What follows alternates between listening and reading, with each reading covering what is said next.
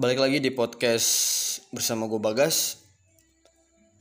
Langsung saja buat kalian yang pengen bikin podcast, pengen dapat duit dari podcast, langsung saja download aplikasinya melalui Play Store atau App Store. Namanya Anchor A N C H O R Ancor.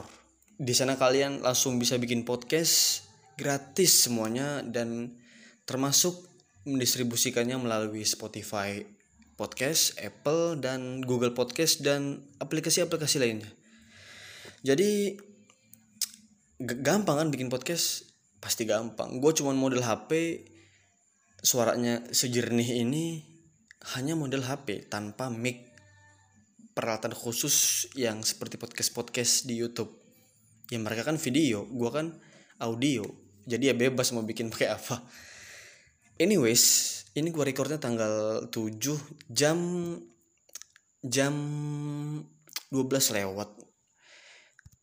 Per podcast ini di record ada kejadian berita yang viral yaitu berita duka artis Vanessa Angel dan suaminya meninggal dunia kecelakaan di tol. Oke, gua nggak mau bahas terlalu panjang, takut salah bahas dan gue juga nggak tahu mana yang bener mana yang salah. Cuman katanya itu sebagian polisi menduga sopirnya ngantuk dan sebagian netizen bilangnya itu lalai karena sebelum insiden itu terjadi si pihak supir sempat upload story WhatsAppnya. Oke, langsung saja dibalik langsung saja kita masuk ke topik hmm, yaitu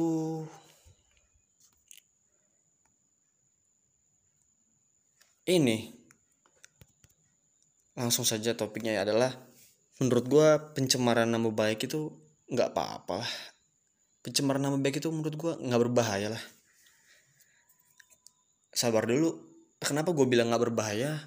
Kenapa gue bilang nggak apa-apa? Karena di satu sisi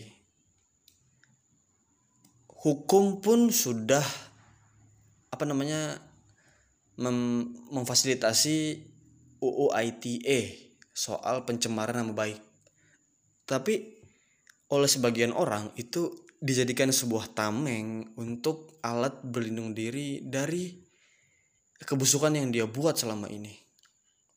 Misal nih, misal sebuah contoh ada hmm, PT PT gitulah, taruhlah PT PT itu PT investasi gitulah, PT PT investasi A gitu. Nah PT investasi A ini menjanjikan pelanggannya jika pelanggannya deposit sekian juta maka akan dapat puluhan juta. Nah Terus si pelanggannya ini tertipu karena investasi bodong ini. Terus si pelanggannya ini padahal si pelanggan ini belum lapor loh. Padahal pelanggan ini belum lapor polisi sama sekali. Dia cuman menyebarkan keburukan di perusahaannya karena ya perusahaannya menipu. Misalnya dia si korban dari perusahaan A ini bikin status gini di Facebook, di WhatsApp atau di story mana pun buat temen-temen yang pengen kerja di perusahaan A atau berinvestasi di perusahaan A mendingan jangan dulu deh takutnya nanti seperti saya ketipu soalnya sudah banyak yang ketipu hampir semuanya itu pekerjanya ketipu semua karena disuruh deposit segini deposit segini nanti dijanjikan kaya raya terus si pihak perusahaan ini melihat dong storynya si korban A ini nah si perusahaannya ini malah melapor ke polisi atas dugaan pencemaran nama baik. Terus si korbannya ini malah ditangkap polisi. Nah itu dia yang pengen gue bahas karena gue nggak setuju di situ. Karena menurut gue pencemaran nama baik itu nggak apa-apa lah. Kalau yang disampaikan itu adalah fakta. Mau itu fakta buruk, fakta baik, itu menurut gue nggak apa-apa lah pencemaran nama baik. Asal eh, tujuannya agar orang lain tidak terjerumus ke dalam lubang yang sama. Agar orang lain tidak tidak apa namanya dirugikan oleh pihak yang sama. Agar orang lain selamat dari dari apa namanya musibah tersebut. Agar orang lain ya orang lain agar selamat sentosa ya kalau tujuannya cuma sebatas itu menurut gue nggak apa-apa lah pencemaran nama baik selagi itu bukan fitnah ya. Beda dengan fitnah.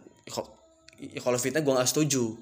Fitnah itu eh, jelas-jelas dia merugikan pihak lain gitu kan. Misalnya suatu perusahaan baru dibangun terus pihak perusahaan B-nya itu memfitnah bahwa perusahaan ini melakukan tindakan korupsi.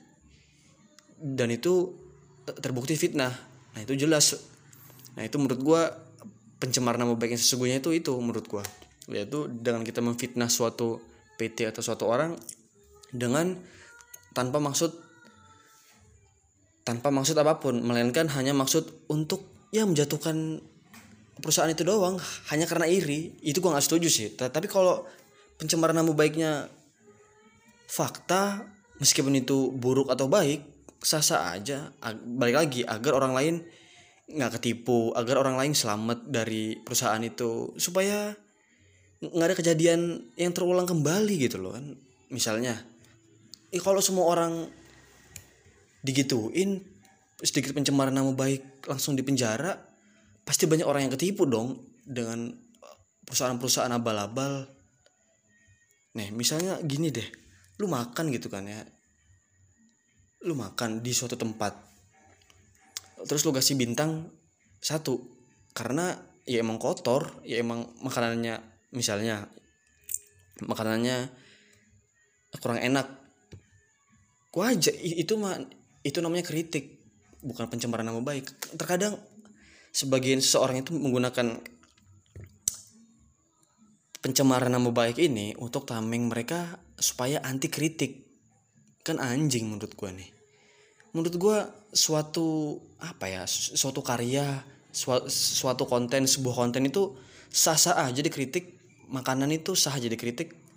Soalnya itu kan bisa menjadi bahan untuk selanjutnya agar si pihak restoran itu kan menjadi lebih baik bukan pencemaran nama baik lah Ya, Anda ganti koki Anda dong, wahai restoran. Jangan dipertahankan. Kalau makanan Anda udah tahu nggak enak, ganti koki Anda, jangan dipertahankan seperti itu.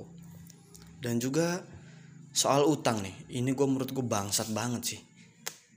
Ada kejadian sekitar dua tahun atau setahun yang lalu, hmm, istrinya polisi itu ngutang kepada orang-orang istrinya polisi itu ngutang kepada orang lain sebesar 70 juta. Dan nah, ketika tiba masa temponya si A ini nak nak pengen menagih dong ke istrinya polisi. Tapi padahal nggak ada yang salah dengan dia cara menagihnya gimana, sopan. Bu, maaf Bu, saya mau nagih utang saya. Eh, Bu, maaf, saya mau nagih utang Ibu yang 70 juta sekitar dua bulan yang lalu. Kan ibu bilang kan katanya hari ini bu janjinya itu melalui WhatsApp tapi diblokir sama dia.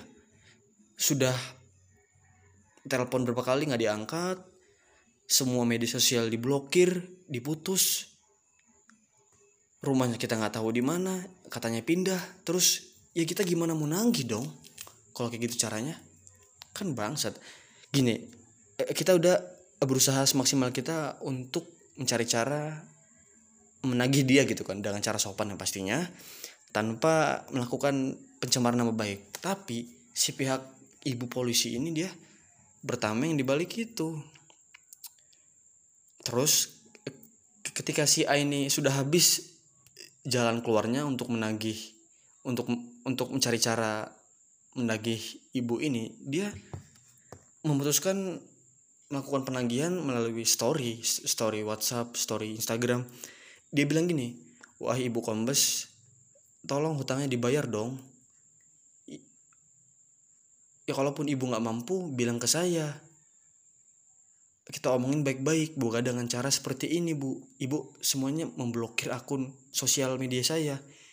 Ya gimana ya gimana caranya saya mau menghubungi ibu? Kalau ibu aja memblokir semua jalan yang saya pengen kabarin ke ibu gitu kan Nah terus ibu ini melapor ke polisi karena dugaan pencemaran nama baik. Kan bangsat menurut gua. Kan bangsat jing. Anjing. Siapa yang punya utang, siapa yang masuk penjara kan? eh malah si yang penagih utangnya ini masuk penjara gara-gara dugaan pencemaran nama baik apa pencemaran nama baiknya menurut gue kecuali kalau itu nggak kenal misalnya lu nggak kenal satu sama lain terus tiba-tiba bilang si A ini apa misalnya gini lu nggak kenal si D sama si E terus tiba-tiba lu bikin story soal dia ya bikinnya ngawur-ngawur. Si D itu kayak gini si E itu kayak gini sukanya begini-begini. Nah itu menurut gua sah-sah aja. Dilaporin atas dugaan pencemaran nama baik karena itu kan menyangkut fitnah. Fitnah kan bukan yang sebenarnya yang terjadi pada kita kan itu fitnah baru. Kalau eh, tapi kalau yang misal disampaikan dia buruk walaupun itu fakta sih menurut gue ya bisa juga lah dilakukan pencemaran nama baik karena dugaan ya kita ya kita nggak kenal satu sama lain kan. Apa coba? Misalnya dia punya tujuan untuk ingin apa?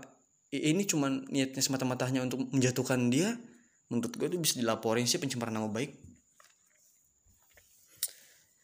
Um, pencemaran nama baik ini disahkan kapan ya? Ini ini sama sama menurut gue ini sama saja dengan memfasilitasi orang yang tersinggung dengan sebuah hukum. Menurut gue apa buktinya anjing? Seseorang itu hatinya tersinggung apa buktinya? Terus apa yang dibuktikan secara apa? Pak saya tersinggung karena si B ini ngomongin saya jelek. Bangsat. Kalau gue jadi polisinya gue bilang gini sama gue mbak tolong kuatkan hati anda mbak. Anda jangan gampang tersinggung baper. Ini loh mbak.